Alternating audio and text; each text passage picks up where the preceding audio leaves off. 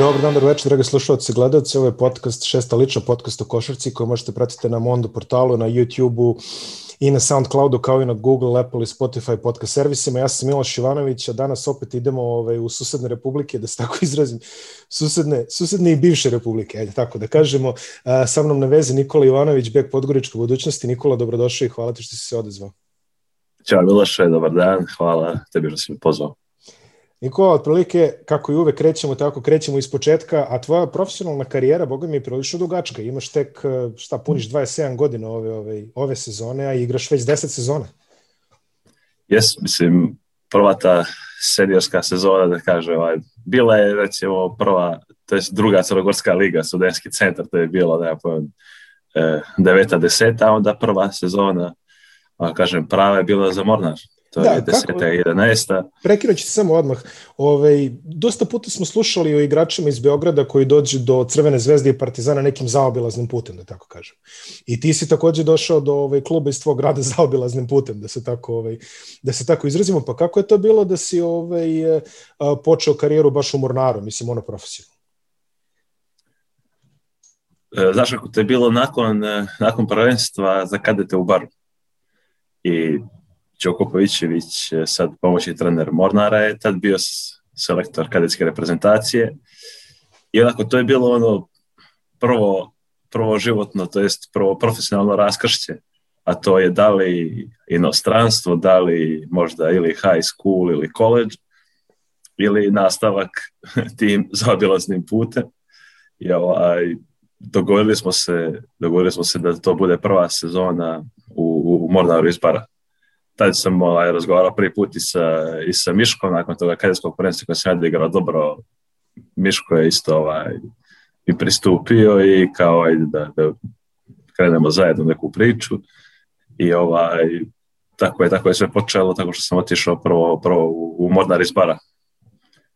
Trebalo je, to jest par mjeseci prije toga odlaska sam bio uh, u Španiji, bio sam par klubova radio, da kažem, probe i i trebao sam idem u, u nikako drugi tim i da u njihovu kadetsku, to je juniorsku selekciju, odmah nakon toga prvenstva. Međutim, ne znam kako, ono, ja malo uplašen, malo roditelji uplašeni, ono, tako pa to ide. 16 godina imaš, Pa jes, jes, jes. I ovaj, pitan se ponekad kako bi bilo, šta bi bilo, međutim, ispalo je ok, na kraju zadovoljan sam. Da, da, otišao si nisko. Sve u svemu. Pa, okej, ok, ispalo do krajnje destinacije. U toj sezoni koji si ovaj, igrao za Mornar, Mornar je bio član Balkanske lige. Da. koji se danas i ne priča toliko, ali ajde, pre 10 godina otprilike to je bilo neko, da kažemo, drugo po važnosti takmičenje u regionu.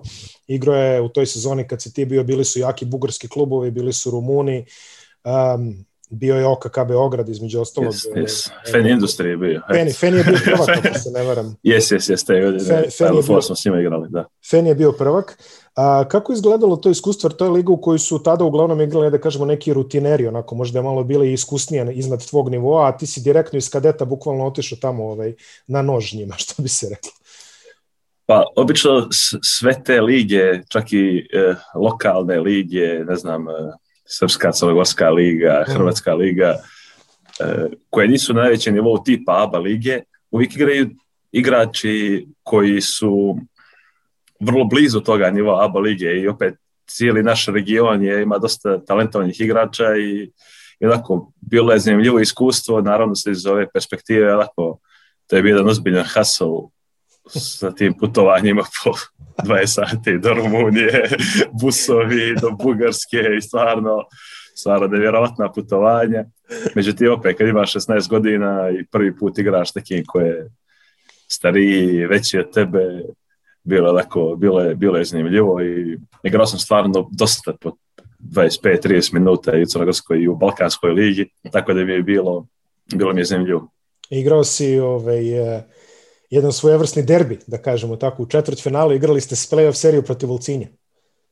A da, da, to je ovaj lokalni, lokalni derbi na nekih pola sata vožnje i ovaj, uvijek, uvijek je bila ta priča, sjećam se makar tih godina kad opet Mornar e, imao jedan period kad je bio baš, baš super, da taj period kad je opet se borio, da je jednostavno igrao Balkansku ligu, uvijek su takvi se protiv Ucinja imali posebno značaj. Gde se igralo Ulcinje? U gimnazijskoj, čini mi se, ili tako nešto? Uh, nije, ne znam ovaj, ili da li je to gimnazija, ali ok sala, ok mm. sala, mhm. nije, ovaj, nije bilo nekaš, neki školski moment, bilo je, bilo je pristojno. Imate after na pristanu posle, tako da. Baš tako. dobro, dobro. Full disclosure, pet tetke u Ulcinju, znam ceo grad na pamet, tako da ono kao ovaj, odmah Jeste, ja ga obično zaobilazim, obično jedan put AD, onako, samo da stavim pravo, da ne zalazi toliko u centar, ali, ali ovaj AD Bojana da posebno ne volim. I velika plaža i tamo ono sve posle. Pa što? posle, te dobre, ove, ovaj, posle te dobre sezone u, u Mornaru otišao si, ajde da kažemo, nazad u Podgoricu i to je bio tvoj prvi period budućnosti od 2011. do 2015 tamo negde 2013. si se, ono, da kažem, probio si se kao profesionalac, e, imao je Ćapin onu povredu, ti si uskočio tu kao, kao starter. E, kako je izgledao taj tvoj put u tim prvim godinama od, e, od dolaska nazad u Podgoricu pa sve do odlaska u Beograd?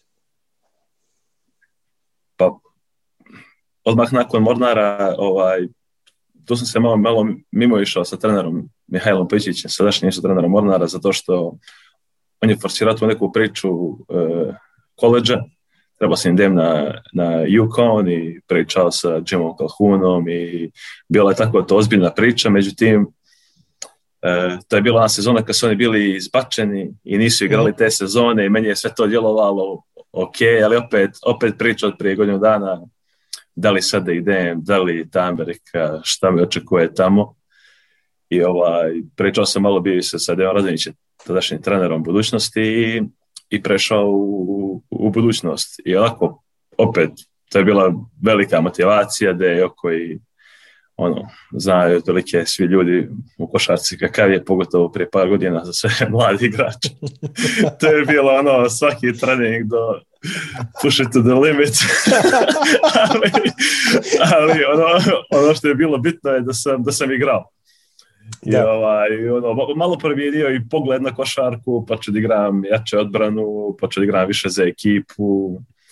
I mislim, prvi onako, pravi trener Deo Radonjić, nije to, nije to toliko loše ovaj, da, da se gradi u mladom igraču neki vojnički moment, čak i sad, čak i sad ovaj, eh, kogod da dođe, ja sam u tom fazonu da da ću tebi slušam. tako da, tako da ovaj, bilo, je, bilo, je, bilo je simpatično i te druge godine on je već e, pošao e, tad u, u, u, u Zvezdu odjednom. To je bio, to je bio moment kad sam ja bio pošao na, na Hub Summit. Uh mhm. -huh. To je bilo neđe kraj te sezone Jeste, i, da. i, u, sam, i, i vidio da je on pošao u Zvezdu.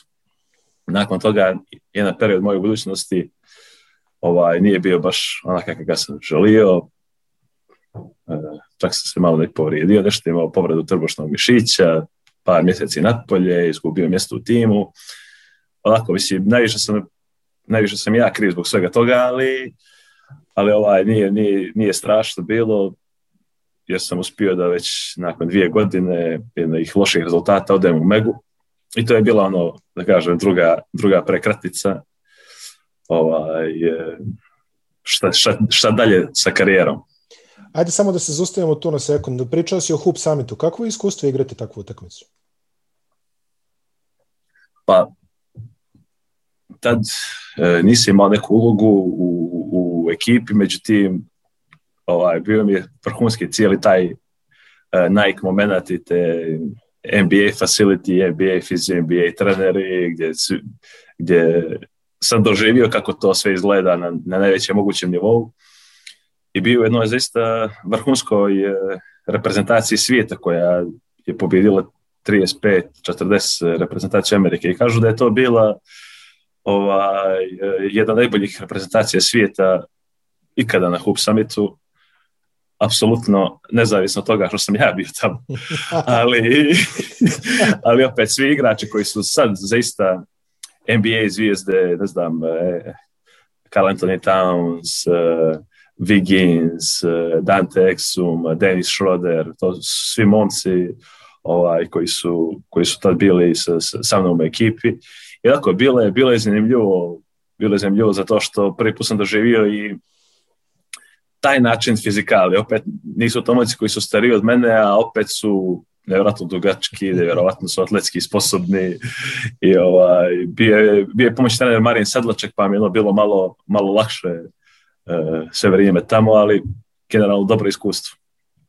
A, također u tom nekom periodu kada si zaigrao za budućnost, to kada si se vratio, ti si postao negde i stalni reprezentativac Crne Gore. Um, bio si redovan učesnik eh, kadetskih, juniorskih i tako dalje i tu te negde možda i publika u Beogradu, da kažemo, prvi put zapamtila nakon ono koša sa pola terena protiv, eh, protiv Srbije u areni. Eh, to je bilo 2012. kvalifikacije za evropsko prvenstvo 2013. A, pošto generalno volim uvek da pričam s ljudima koji su postigli tako neke ovaj, sulude koševe sa, ovaj, za pobedu, pričao sam sa Duletom Kecmanom, planiram u dogledno vreme i sa Goranom Boškovićem u nekom, u nekom momentu, ali evo ispričaj ti tvoju priču kako izgleda ovaj rešiti utakmicu e, šutem iz, ona, iz svoje polovine. Pa to je još bio moj period kad sam bio dosta mlad, to je bilo nekih 18 godina i sjećam se tog doska u reprezentaciji sam bio pod ogromnim pritiskom. Znam da su svi očekivali ovaj, dosta od mene kao nekog mladog, perspektivnog, crnogorskog playmakera kojeg nema odavno i kao ja sam trebao da budem taj lik narednih deset godina. Međutim, totalno, baš, baš konkretno to cijelo ljeto je bila totalno drugačija priča. Ja sam igrao mnogo loše. I sve, trenirao sam mnogo loše, e, nisam mogao da se snađem, bio pod velikim pritiskom, e, i sve te prijateljske utakmice sad igrao baš loše. E, ja konkretno i direktno izgubio par prijateljskih utakmica i konstantno mi neko priča nešto, ja sam, i to sam izgubio u svemu tome. I ovaj, taj koš protiv Srbije mislim da mi je došao kao nagrada za sve to, jer evo, najiskrenije da kažem, možda najteže ljeto u životu bi je bilo to, to onako kao klinac zalazim u, u seniorsku reprezentaciju i koja eto kao treba da pravi rezultate, na kraju je pobjedila svih deset utakmica u tom, u tom ciklusu i ovaj, masu ljudi me uvijek me pita kako je biće i, i, i danas me ljudi sreću i pitaju me kako je bilo. a Ja opet ono ne želim da se, da se toliko osjećam toga opet, mislim, kvalifikacije za, za Evropsko prvenstvo gdje je sad bilo neka prebitna utakmica, ali Prošli su i jedni i drugi, mislim. yes, yes, pa mislim, na kada krava to se desilo i, i, i zaista ne znam što ti kažem šta se sve dešavalo. Znači, deset minuta nakon toga i pola, deset minuta prije toga i pola sata nakon toga ja sam ono bio u šoku pod anestezijom, samo sam plakao, ne znam više stvarno, baš, baš sam, baš ne mogu ti piše kako sam kako sam sjećao, ono dijete koje je pogodilo uh, koš s pola terena i ovaj, nekako u jednom periodu karijere i obilježilo to, konstantno se pričalo o tome, malo nametnuli pritiska da je to možda i najveće dostignuće moje karijere, ali... A pa sad, ali, ovaj, do te pa, jeste, mislim, ajde. Pa jest, definitivno je disk, diskutabilno ovaj, e, otvoreno za, za diskusiju da li jeste ili da li nije, ali ovaj, srećan što sam ga, što sam ga, što sam ga pogodio. Ovaj, mnogi ljudi su koristili baš taj koš za neke svoje ultra patriotske stvari. koje... Dobro, to, to se neumitno dešava u svakom scenariju. Mislim. Jeste, jeste, to je... Ova, Nema što ti, ne možeš ti da utičeš na to. Tako da. apsolutno, apsolutno, tako da ako, jedan definitivno lijep moment. 2015. Ovaj, eh, kao Budo Đurović dolaziš u, u, Be u Beograd. Uh, igraš jako zapaženu ulogu u Megi te sezono, osvojio si Kup Srbije 2016. Bio si čak i MVP tog turnira i igrali ste finale, eliminisao si ovaj, svoj bivši klub. Tako da, kako je izgledala ta sezona? Pa, pre svega, e, nisam ni trebao da idem u, u Megu. Bilo je ono pitanje da li da idem u Megu ili ne idem. I na kraju kad se ispostavilo to da, da, da smo se, da kažem, dogovorili, mislim da smo se dogovorili, oko hiljada eura dogovorili smo se. Dogovorili smo se za, za, za, za, to. Čuo sam se s Milojem, koji je ono, koji je želio mene u timu i to mi je bilo e, to mi je bilo drago. I stvarno nisam znao što da očekujem u, u, u Megi tad. Opet, prekrati sa karijere, da li da e, na kojem ću nivou da posle toga nastavim da igram. I onako jedna utakmica nedeljno po prvi put, e, vrhunski individualni rad, bio je neki neki lib, Libanac, e, Žad, koji je bio e, dvije godine u Megi, koji vrhunski radi individualno i izviste se sjećam da je ovako svako jutro je individualno, jedan na jedan, uveče je košarka i cijela ekipa koja igra nevjerovatno fizički, nevjerovatno, nevjerovatno odbranu, e, dešavalo se po 10 minuta, 15 minuta da možda se da koš na treningu, ovako bilo je baš konstantno takmičenje, konstantno se brojalo, konstantno su bile kazne, koji izgubi ovaj, i baš je, baš sjećam da smo se, da smo se konstantno takmičili što je na kraju i dalo rezultat. E, nevezano naravno i, i za novac e, i za konkretno moju situaciju, karijeru ili situaciju bilo koga od momaka u karijeri, ako i nakon par godina priča sa tim ljudima s kojima sam bio u, u Megi te godine, definitivno najljepša sezona svih nas u, u životu. Nekako Mislim, klinci koji se okupe da igraju košarku i daju sve od sebe, ovako mora biti dobra priča, ali smo nekako sve zajedno radili, zajedno se izlazili u grad, ono, odjedno se pojavi u bioskop deset momaka od dva metra, ono, mislim, baš je, ja, baš je ja se bilo, nadam baš je da bilo interesantno. sedali u zadnje redove, mislim. Ono da, da, da, definitivno. ali nekako bilo je, bilo je baš lijepo, baš su bili e, kompaktni i, i uživali smo u svakom trenutku. Lijep, Individualno, lijep život. Dobra ekipa. E, Rade Zagorac igra odlično, e, Timoti Luvavu igra odlično. Da, da, da. Bilo vas je tu, ovaj, zaista, eto, osvojio si i taj kup, e, kako je to izgledalo, bio si i MVP takođe, kao što sam već rekao. Taj turnir kupa tada bio je dosta interesantan. U, jeste. E, pričali su, pričali su mi o tome kupu, nisi imao nikad ovaj, neki doživljaj konkretno eh, kako izgleda kup koraća, ali opet jedno, jedno posebno takmičenje e, i ta, ta tradicija igranja u, u Nišu. Ja sam ono pomislio, pa kao šta ćemo sad u Niš da radimo. Međutim, stvarno ovaj, e, lijepo igrati u onoj sali i bilo je vrhunsko navijanje. Ta utakmica, ta utakmica protiv Partizana u finalu koji je Đile vodio tad, ovaj, isto jedna najboljih utakmica u mojoj karijeri. Ne kažem zbog mogu čeka, nego po kvalitetu košarke obje ekipe. Obje ekipe šutirale oko 50% za, eh, za tri, koš za koš, eh, u zadnjim napadima se sve rešavalo, zaista, zaista vrhunska utakmica. I eto, mislim, sreća sam što, što sam uspio ja da budem MVP, međutim, zaista smo svi odigrali na, na, na vrhunskom nivou, da Nikolić je pogodio neke trojke, Timoti je uzeo u zadnjoj četvrtini pogodio neke bitne šuteve i definitivno baš, baš lije posjećanje taj kup korać. A kakvo osjećanje si imao kada ste igrali protiv budućnosti? Igrao si protiv svog kluba, igrao si, ako se ne varam, Luka Pevićević tada je bio trener budućnosti, znači protiv da. nekoga da. ko ti je bio selektor. Ovaj, kako je to izgledalo? Mislim, to je bilo baš neočekivano te sezone kada se to desilo. Pa iskreno, osjećao sam se, osjećao sam se ovaj, e, malo čudno, jer e, nije mi lijepo bilo zadnje, to je poslednje dvije godine budućnosti i nisam imao, ono da kažem, ne mogu reći mržnju, ali nisam htio da, da, da se revanširam nekome, nisam htio da, da, E, da odigram po svaku cijenu dobro da bi mi pobjedili, da bi ja kao vratio budućnost za to što mi se dešavalo. E, iako, iako je ovaj, možda negdje to postojalo ovako u posvijesti, taj neki osjećaj, ali izašli smo da odigramo što kvalitetnije možemo. Baš, je, baš, je, baš mi je to bilo. Znači, izašao sam onako, imao sam 21-2 godine i taj prvi put da sam bio ono u fazonu, kao ti si profesionalac, ono, stripovao sam se na taj moment, kao ja sam profesionalac i kao izađi i igraj kao košarku, ono, igraš polufinala ABA lige, to je ozbiljno takmičenje, to je ozbiljna utakmica, ekipa budućnosti tad vrlo kvalitetna, ne znam koliko su pobjeda vezali za redom, eh, playmaker i eh, Cook, eh, ne znam koja je bila, momak zaboravio sam, Reynolds, čini mi se se zvao, znači baš kvalitetna ekipa, uđešće se stadion Dragičićem, Aleksom Marićem, jako bilo je kao i, kao i do tada, ono, filozofija Megije, bukvalno, izađi i, i takmiči se. I Boris. Baš to, izađi i Boris. u ovoj hali nema mesta za jednog od vas. O, posle Mege, a, posle Mege a, učinio se svoj ajde kažemo, neću kažem da je odlazak u Mego bio inostranstvo, ali otišao si ono pravo inostranstvo, se tako izrazimo, da. otišao si u AEK, iako si potpisao tri godine tamo, nisi se puno zadržao, čak si na polusezoni otišao u Italiju ovaj, na pozemicu. Da. Uh, šta je uticalo da izabereš baš AEK?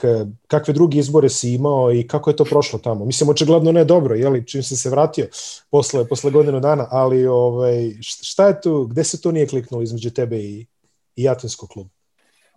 Pa pr prva stvar, ovaj, neću se davao u nekom podcast, to nisam davao nego sam pričao za neki podcast, ono vezano za Miška ranije i to je bila situacija vezana i za Ek isto. Ovaj, sjećam se, završila se sezona i ovaj, bukvalno nakon poslednje utakmice u, u sezoni sve je završeno bilo, ujutro mi je samo sigla poruka e, Nikolaj se vratio do kancelarije da potpišeš ugovor za Ek. ja rekao, ja rekao, dobro. Aj, šta da radim drugo? šta drugo da radim? I ovaj, valjda priča je bila da je baš Jure želio da me, da me potpiše. E, međutim, otišao sam tamo i te godine sam se povrijedio, to je prvi trening sam radio dva dana pred prvu utakmicu sa Ekom i to je to je jedna, jedna loša stvar, povrijedio se na ono, slomio ruku na plus 40 protiv Albanije, kvalifikacije, mislim opet da, da. baš neke strašne stvari. I ne znam, život u Atini je nekako je bilo super. Bio sa Šakotom, sa Rokom, sa Minjom Miloševićem i sve to bilo super. Konstantno su bile neke ili večere, ručkovi, konstantno ajde da se javamo na kaf, Baš lijep život. Međutim, košarka nije valjala. E, treniralo se prvi put u životu jednom dnevno, teretanu ko želi, ne, ne oznoji se ne oznoji se bukvalno na, na treningu, sve je pokazno. I ovaj, nije mi to u tom trenutku baš nešto prijalo, opet sam opet sam bio ovaj, prvi put da kaže napolje, prvi put onako niko se meni ne podređuje, niko ne, me ne pita ništa, nisam uspio da se snađem, apsolutno mojom krivicom, e, tako da ovaj, tih nekih par mečeva sam odigrao vrlo loše, kad smo mi krenuli da gubimo, i gdje su meni samo rekli, e Nikola, kao pročitao si ovo što piše po portalima i po novinama, a ja sam rekao, pa nisam, ono, o čemu se radi. Slabo govori. Pa kao dajemo e, ono, na pozajmicu, pa da vidimo što dalje. I ja, ok, ono, bilo mi je krivo, baš zbog toga momenta što je to prvi izlazak, nisi uspio da se pokažeš, niđe van Crne Gore ili, ili Srbije, ali u Italiji mi je bilo ok, jedan fini gradić, ono, 10.000 ljudi, buongiorno, nema, nema, nema fakulteta, nema srednjih škola, tako da su samo penzioneri u gradu, a lijepo vrijeme, jedna takmica, jedna takmica nedeljno opet. O, ovo sad zvuči ko vicevi o crnogorcima, mislim, ove, kako se ne, ali, ali stvarno, tako je. Tako je. E, tako sam se osjećao u tom trenutku. Inako bilo mi je drago što sam, što sam otišao iz Zajka, nekako sam osjećao zarobljeno tamo. Mm -hmm. Tako da sam, ovaj, opet u Italiju se vratio na jedan vrhunski trening, e, večernji gdje je konstantna jurnjava, jutarnji svaki dan individualni teretana i uspio sam ne da odigram ono, na kraju ok i dobru sezonu. Iako naravno to nije klub koji je znaš, sad nešto mm-hmm. imao ogromno očekivanje, ali opet playoff Italije, jedna pobjeda u Milanu, u play-offu, ono, okej. Dobro. I zašto si se onda vratio u budućnost posle? Kako je, kako je došlo do toga? Mislim, nisi ostao dalje u inostranstvu. Uf, pa, mislim, da je naj, najviše uticao u tom trenutku baš uh, e, Gila. Mm -hmm. Yes, i konkretno novac te godine u budućnosti bi bio bolji nego bilo gdje drugo. Opet su oni no, bili u fazonu, a ti si naš, ti si odavde, ti i onda sam ja rekao, ok, neka to bude tako ovoga puta. I, i, i Miško i Đile su mi pričali da bi te godine ja treba da budem to se reći, ono, taj lik. I, i, i bilo je tako, ovaj, ja i Gorda smo imali luftu ono, skoro svakog, svakog napada u, u, u rukava i na kraju dobra odluka, dobra odluka po, povratak u budućnost. Povratak u budućnost. da, zapravo sam kao pod naslo ovdje ovaj, napisao povratak u budućnost, ono seo se u DeLorean, nagazio na koliko, 78 milja na sat i eto tebe, ovaj, eto tebe nazad u budućnosti. Te sezone, ako, ovaj, ako te nismo zapamtili 2012. 2018. smo te definitivno zapamtili, bez brige. Tako, da, a ti si navijač Zvezde, tako da? da, da, da. E, to su mi rekli, da. da. Upozorili su te. Dobro, ne, ne, ne. Pa, ne, kao, ne, rekli su mi da navijač Zvezde, ali je dobar lik, što god to značilo. tako su me... tako su me dvoje, što god da. to značilo, da, da. e, tako, sad tako predstavljaju ljudi. Ako, ako, pa nema veze. Šta fali, pa nije mi tu, mislim, svašta, bože moj.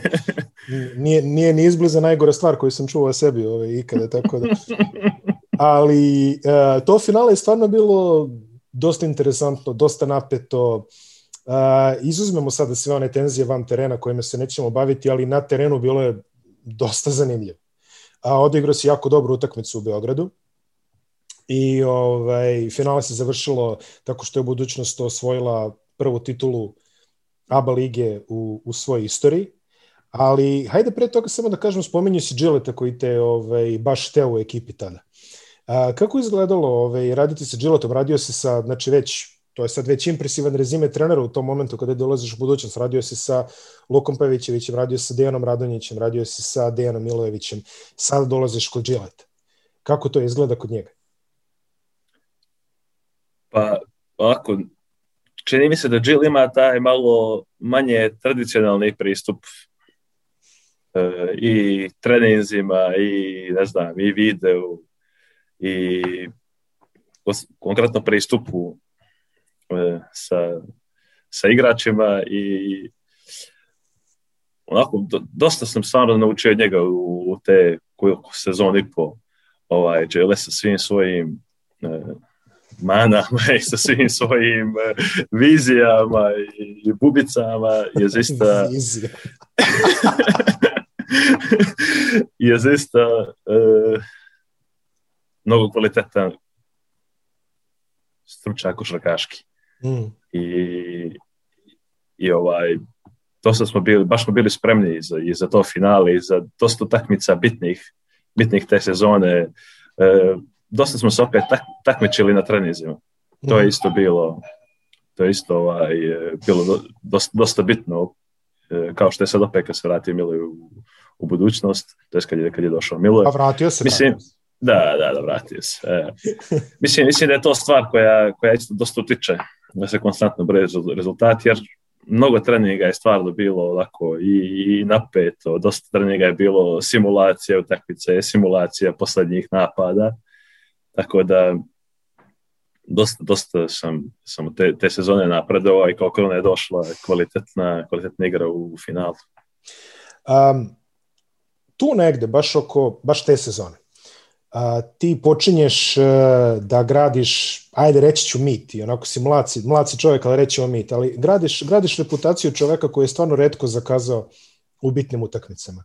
A, kolega Ardić sa televizije Arena Sport je baš u nekom prenosu rekao ne sećam se ili on ili Kole neko je rekao, ali kaže ne sećam se kad je Nikola Ivanović loše odigrao veliku utakmicu. A, ove sezone, ja mislim protiv Partizana čak, na primjer, bio je jedan moment kada si u trećoj četvrtini ili su te sudili faul ili si izgubio loptu ili tako nešto se desilo i od tog momenta a, deluje se, ja mislim ja sad pričam ovde s tobom i naravno ono deluje šta se normalno i sve to super, ali tada se deluje kao da se promeni pogled. Znači, potpuno uđeš u tu neku svoju viziju, da kažem, neku zonu ili kako to već da izrazimo. Da li možeš da, mislim, znam da je teško, ali opisati tako nešto. Uh, ali e, da li možeš gledalcima i slušalcima da probaš da opišeš šta se onda dešava, kakav je to klik u tvojoj glavi kada ono uzmeš loptu, utakmica se lomi i odjednom kao da ubacuješ ono u bazen sa sakonice, tako je utisak nama koji gledamo na, na televiziji. Pa, e, znaš kako, aj, vidio sam da je to rekao Edin pa su utakmice, to jest neko mi je, neko mi je poslao i naravno na, na oduševljenje mojih roditelja uvijek što god Edin kaže lijepo za mene, odmah mi se šalju poruke, e, e da čuješ što Edin rekao za tebe. I stvar, baš konkretno za, za, taj, za taj trenutak što se desilo u toj takmici protiv, protiv Partizana, ja sam dobio tehničku grešku bio. Mm, mm. I, Bila neki pregovor, da.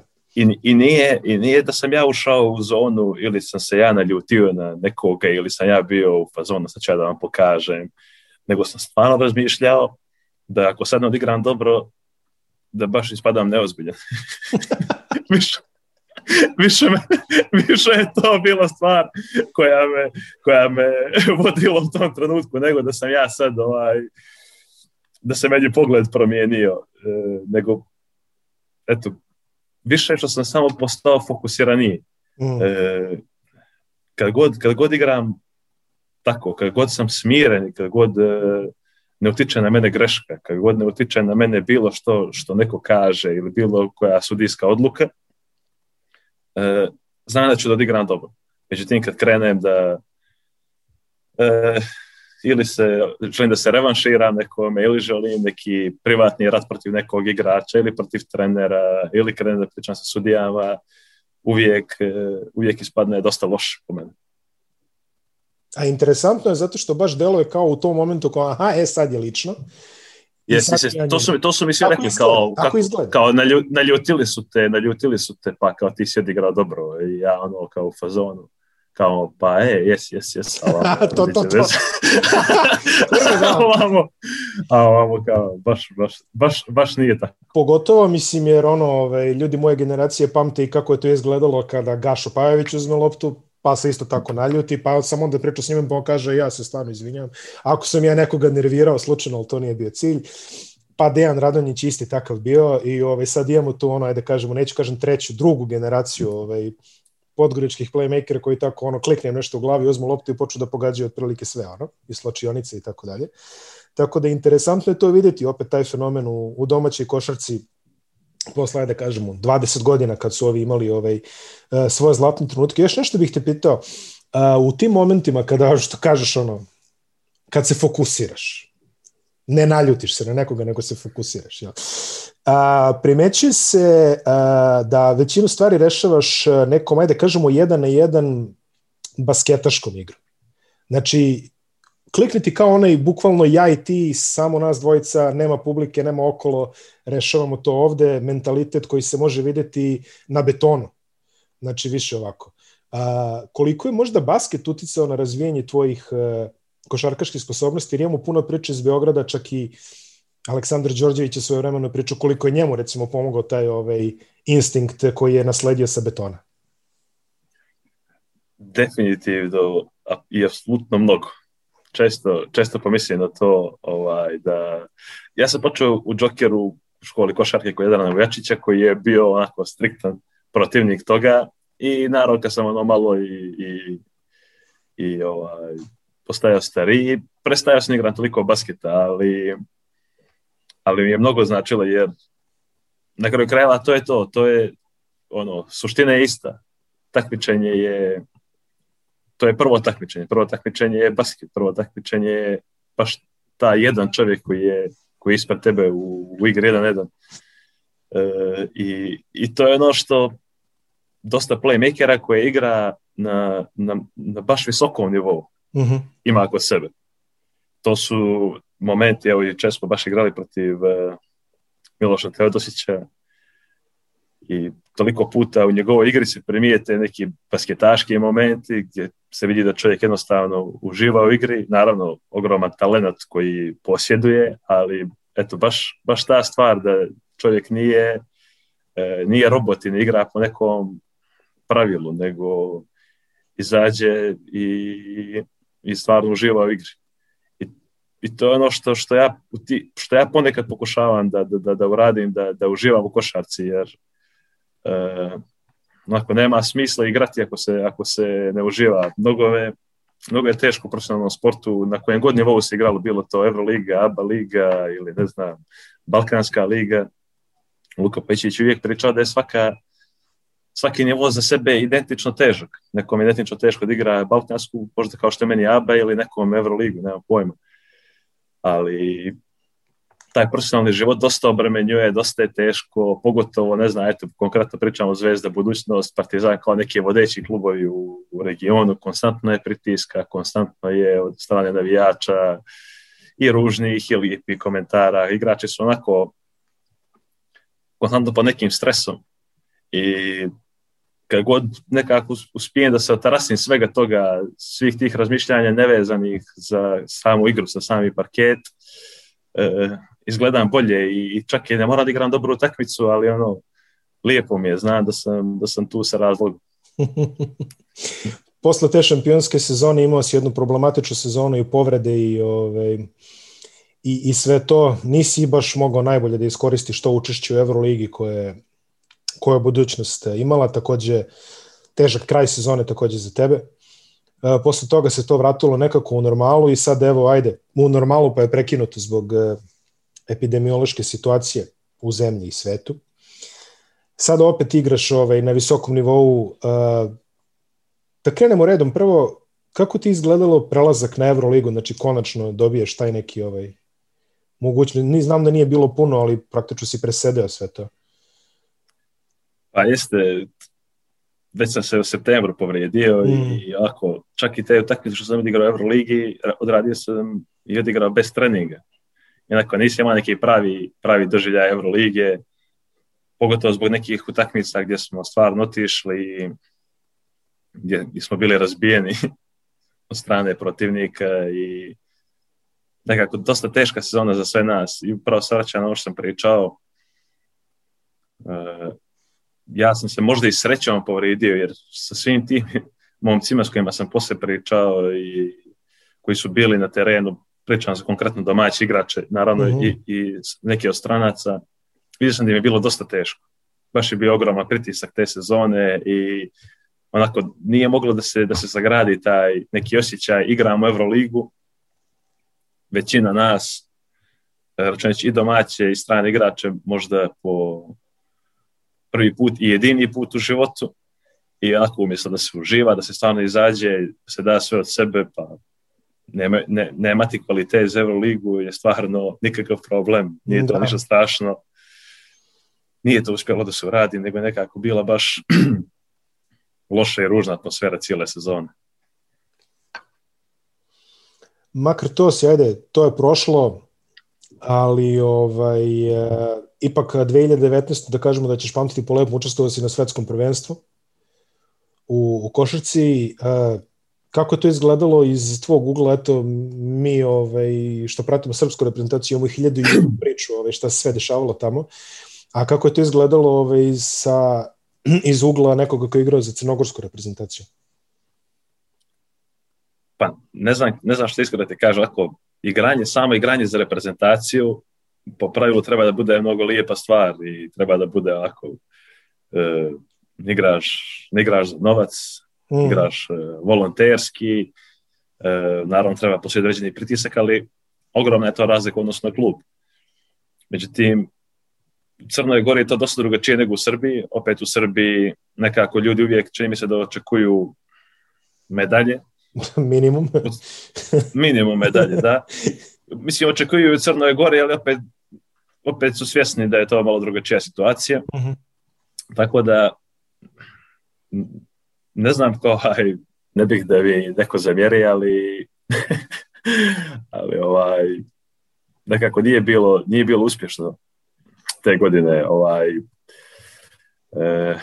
reprezentacija stvarno treba da, da, da, služi za to što sam, što sam rekao, međutim ja sad prvo ljeto mi se desilo da nemam, da nemam reprezentaciju i konačno mogu da se pripremim kako ja želim, konačno imam prvu sezonu, makar da sad ne kucnem bez, bilo kakvih povreda ili, ili povredica i naravno, mislim, generalno baš, baš nije bilo uspješno jer smo uspjeli na kraju, eto, jedino da, da pobjedimo Japan, to je bila jedina pobjeda na prvenstvu za, ne znam, 10, 15 godina, 20 godina će biti sigurno drago što sam što sam igrao svjetsko prvenstvo, to će biti jako veliki highlight karijere biti na, na svjetskom prvenstvu, ali sad u ovom trenutku opet kad je bilo neuspješno i opet se vraća na ovu priču, ne, ne, može da se uživa, ne može da bude lijepo ako se ne pobjeđuje.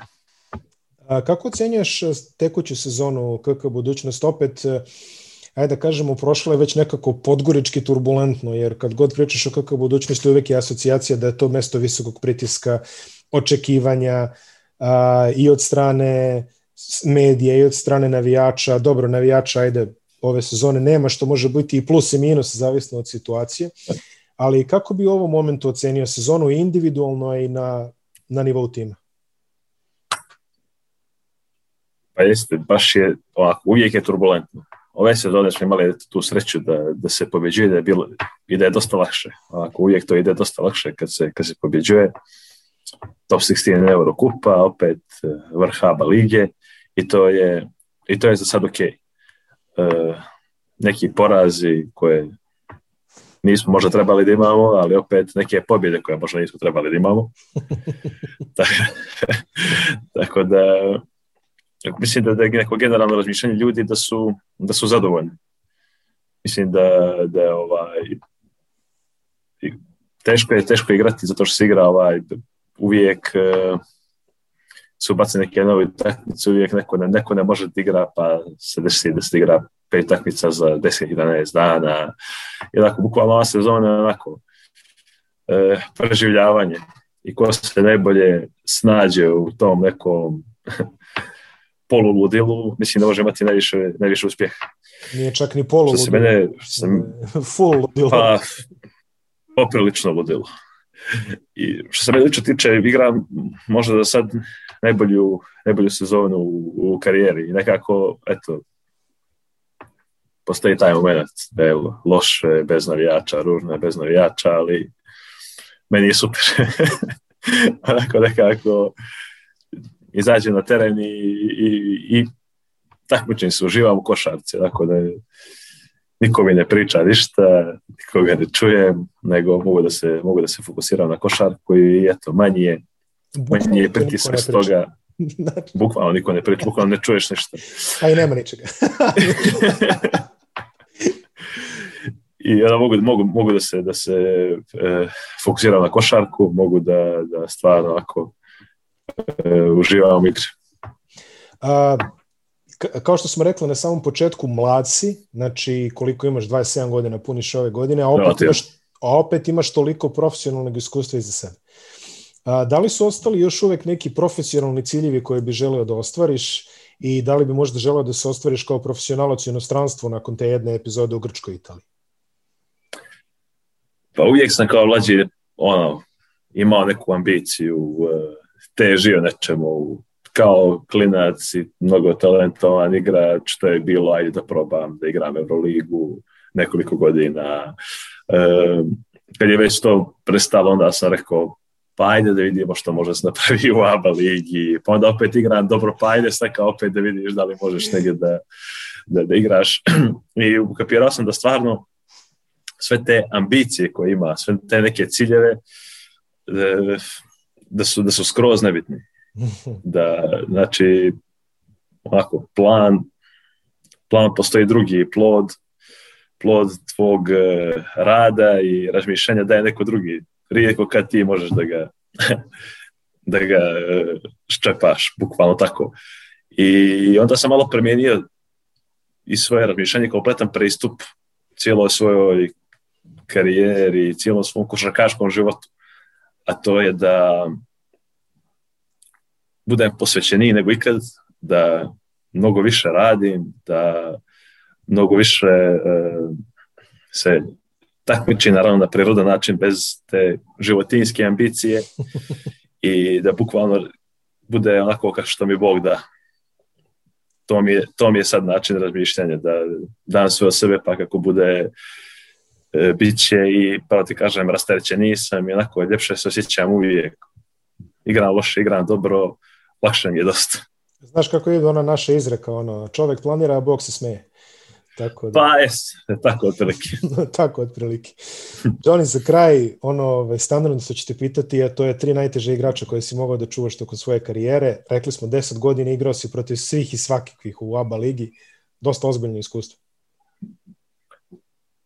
Pa jes, Igrao sam i sa, i sa reprezentacijom, i sa, i sa timom, protiv stvarno vrhunskih igrača, protiv ozbiljnih igrača i mislim, igrao sam protiv igrača koji su stvarno onako sami vrh evropske mhm. košarke u protekli, proteklu deceniju, igrao sam protiv njih i kad su bili možda u svom prime, kad su bili i ponekad i ovako i veterani i kad su bili i oni mlađi, I uvijek mi je nekako teže bilo da čuvam igrače koji su ovako opasniji da jedan. Mislim, e, Miloš Teodosić, Nando Dekolo, Spanulis su kvalitetni igrači od, od konkretno tih, ali opet mi je njih bilo dosta teže da čuvam zato što su oni ti koji lome, koji su uvijek opasni. Tako da, ne znam, definitivno mi je bilo veliko iskustvo da igram i u ekipi i protiv ovaj, uh, Teriz Rajsa. Uh mhm. -huh. Teriz je ovako bio uvijek dosta težak za čuvanje, ovako kad se spusti. Ja pa... ja i Džele smo se šalili, ovaj, tada je Risović. ne, baš mi je, baš mi je bilo, ovaj, baš mi je bilo teško, ajde, ovaj, niski crossover, konstantno Ove, onaj hezi, jesu ja ruka konstantno na hezi, neki ne znam će da šutne ili neće. Ovaj, nakon toga, uf, znam, uvijek sam ja pričao, eh, u Giletove krke igrao onaj Malcolm uh, Armstead. Uh -huh. Uh-huh. e, I on je onako, čudim, imao neku, imao neku veću karijeru, međutim, opet je čovjek koji je koji konstantno lomi i kad uh, je htio stvarno da davao po 23 u ABA ligi. A moja prva godina ili druga, ne mogu sjetiti, tad je igrao Patrick Beverly za, za Kuban. Uh mhm. -huh. I on je, sjećam se, u oba navrata, onako, usuo je 30 pješke. I tad je bio drugačiji igrač, opet ovaj, u NBA on taj kao specijalac, defanzivac, međutim u Evropi je radio tipa rolling, pa šut za tri, pa neke neobičajne stvari i naravno dosta napadački orijentisan nego što je sad u NBA-u. I eto, moguće ta, ta tri igrata su bila teška, naravno, opet igrao sam protiv kvalitetnih igrača od njih, ali ako za čuvanje konkretno, možda eto njih tricu da izdvojim ako prvo što mi, što mi pada na pamet. Moram samo da te vratim na Miloša Teodosić, jer si ga spomenuo, eto igrao si ovaj baš e, juče, danas je četvrtak za ove koji gledaju u petak, Ove, ovaj, juče si igrao protiv njega i ne. Da. kada sam ja pričao sa igračima našim koji su igrali protiv njega, oni kažu da a, nije toliko da ga, da ga čuvaš u tom momentu, nego koliko je teško čuvati ga na duže staze, jer e, on vidi na 3-4 poteze unapred. Pa, ne znam, ne znam šta ti kažem, čovjek ti stvar ovako, meni je samo začudilo tipa juče, što mi igramo sad tipa drugiču odbranu u zadnje dvije tehnice nego što smo igrali uh -huh. u mhm. prethodnom periodu, jer je došla Mila. Meni je samo čudo kako je se čovjek nakon jednog pick and rolla prilagodio na odbranu ono, i uspio da, ne znam, da, pet asistencija i 25 pojena. Ono. Samo bi je to, to koliko je, koliko je talentovan da, da stvarno u kratkom periodu ovaj, sve pročita, sve vidi i da se prilagodi svemu onome što igra, što igra protivnika. Sve to je onako lagano, on je lagano dribla, okrene leđa, kosica se njiše, sve to ima Ovaj, da, ali opet, opet nevjerovatno kako, kako, kako, kako uspijeva sve da, da, da, da, da vidi da, da, da pročita. Zaista van serijski talent. Johnny, hvala ti puno na izdvojenom vremenu i ovaj, želim ti puno sreće u ostatku sezone, ali ne previše sreće, odmah ću ti reći. E, znam, znam, znam kakve su to čestitke, ali svakako ti hvala. hvala puno, Miloše, bilo je, bilo je zadovoljstvo. hvala ti puno.